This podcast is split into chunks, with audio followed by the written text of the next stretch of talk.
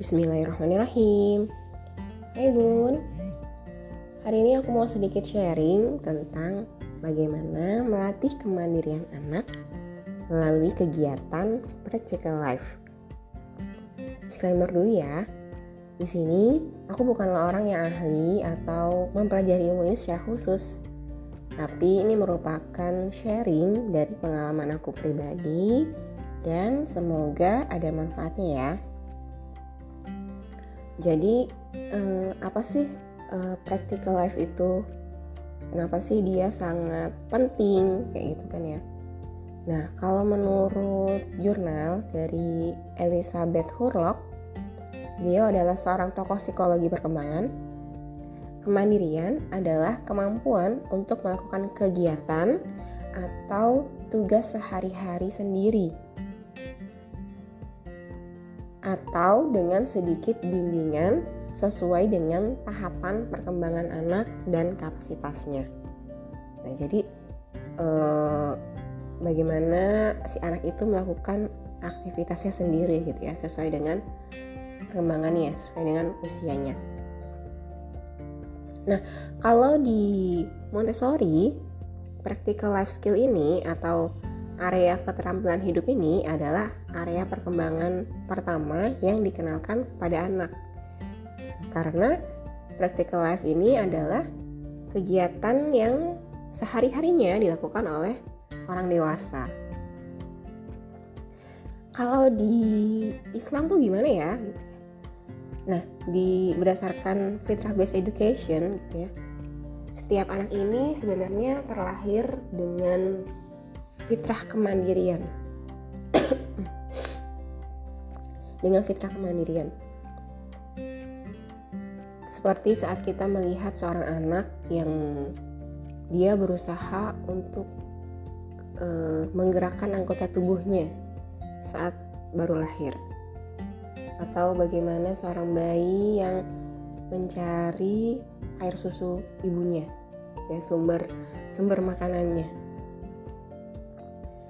atau bagaimana seorang bayi tadi yang dia e, belajar untuk duduk kemudian merangkak terus berdiri, berjalan, berlari dan seterusnya. Nah, itu adalah sebenarnya fitrah dari kemandirian gitu karena dia berusaha gitu, berusaha untuk melakukannya sendiri. Cuman tadi sering kali gitu ya kita sebagai orang tua tuh gregetan gitu ya. Bisa juga karena saking sayangnya atau karena tadi nggak sabar gitu ya pengennya instan. Nah jadi eh, kita secara nggak sadar tuh malah menghambat anak-anak untuk tumbuh menjadi individu yang mandiri gitu ya. Saking sayangnya jadi apa-apa disediain. Ya tanpa uh, memberikan space gitu ya memberikan ruang untuk anak ini mencoba gitu mencoba melakukan eh, hal-hal uh, yang sederhana itu sendiri. Terus mulai dari mana sih practical life ini harus diajarin ke anak gitu kan ya? Atau bentuk kegiatannya apa ya yang kira-kira bisa kita terapin ke anak gitu? Mulai dari usia berapa si anak itu bisa melakukan practical life karena tadi eh, kemandirian ini adalah fitrah gitu ya maka kita tuh ya sudah punya gitu ya dasar-dasarnya gitu. lalu mulai dari usia berapa? Nah kalau untuk usia-usia bayi menurutku juga udah bisa sih diajak buat practical life ya. Kalau bayi kan misalkan saat masih bayi itu hmm, saat kita menengkurapkan posisi bayi gitu ya maka dia akan berusaha untuk angkat-angkat kepala Nah itu juga salah satu bentuk dari practical life. Salah satu wujud dari dia berusaha untuk menegakkan kepalanya sendiri. Atau kalau sudah lebih besar lagi, kita ajak dia untuk meraih benda gitu ya. Dengan kita memberikan semangat gitu. Oh adik pengen pengen ambil bola merah itu ya, yuk coba yuk, ayo bisa yuk gitu kan semangatin semangatin anak kita gitu. Nah maka itu juga uh, wujud gitu ya wujud untuk me, merangsang gitu ya untuk menstimulasi kemandiriannya dia gitu. juga kita dapat yang lain-lain juga kita juga bisa melatih motorik halusnya dia melatih motorik kasarnya dia kayak gitu kan. Gitu. Lalu usia usia saat usianya sudah dia sudah bisa belajar makan gitu ya nah berikan dia sendok gitu ya kasih dia sendok kasih dia alat makan Nah dia akan berusaha untuk meniru kan ya karena memang anak itu fitrahnya peniru ulung gitu ya. Dia akan melihat bagaimana orang tuanya makan. Dia akan mencoba mencoba memasukkan makanannya berantakan pasti itu berantakan. Nggak ada ya yang namanya belajar tahu-tahu langsung rapih gitu ya langsung mulus kita aja kalau lagi belajar aja pasti ada gagalnya gitu. sama anak juga kayak gitu. Namanya dia belajar makan berantakan makanan yang ke mana-mana bahkan mungkin jadi masker gitu ya jadi sensory play makanannya nggak apa-apa gitu. Itu salah satu tahapan dari bagaimana dia belajar kayak gitu. Kasih dia ruang kasih dia kebebasan untuk mengeksplor itu. Tadi dengan dia belajar dia gak cuman mandiri gitu ya tapi dia juga jadi ini uh, berbagai macam indranya juga terstimulasi gitu ya. Kemudian saat anak mencoba untuk memakai kos kaki sendiri atau melepas kos kaki sendiri, mungkin kelihatannya kesusahan gitu ya. Terus kita orang tuanya tuh gergetan pengen bantuin. Tahan, tahan dulu. Kita tahan dulu bun. Kita semangatin dulu. Justru saat-saat itu, saat-saat dia kesulitan itu, kita harus kasih dia semangat gitu ya. Kita harus kita harus meningkatkan kepercayaan diri dia bahwa dia itu sebenarnya bisa tanpa kita bantu nah gitu jadi dengan seperti itu dia akan pede gitu dan saat dia berhasil gitu ya saat dia berhasil melakukannya dia akan menunjukkan wajah yang benar-benar sumringah gitu ya mata yang benar-benar bercahaya yang seakan-akan bilang aku bisa gitu ya. Ternyata aku bisa. Nah, gitu. Kepuasan itu tuh tidak bisa tergambarkan. Kayak gitu. Nah saat anak sudah mulai lebih besar lagi gitu ya kita bisa ajak main. Misalkan transfer ini transfer air gitu ya. Mulai dari transfer air memindahkan air dari uh, satu wadah ke wadah lain gitu ya mulai dari yang ukurannya besar ke tempat yang besar atau dari ukuran yang besar ke tempat yang lebih kecil gitu ya. Misalkan dari berawal dari mangkok ke mangkok. Mulai dari air lalu beras misalkan dan lain sebagainya. Lalu dilanjutkan dengan dari mangkok gitu ya mentransfer dari mangkok ke dalam botol. Kayak gitu. Lalu juga hmm, yang awalnya pakai sendok kita coba ajak pakai pipet.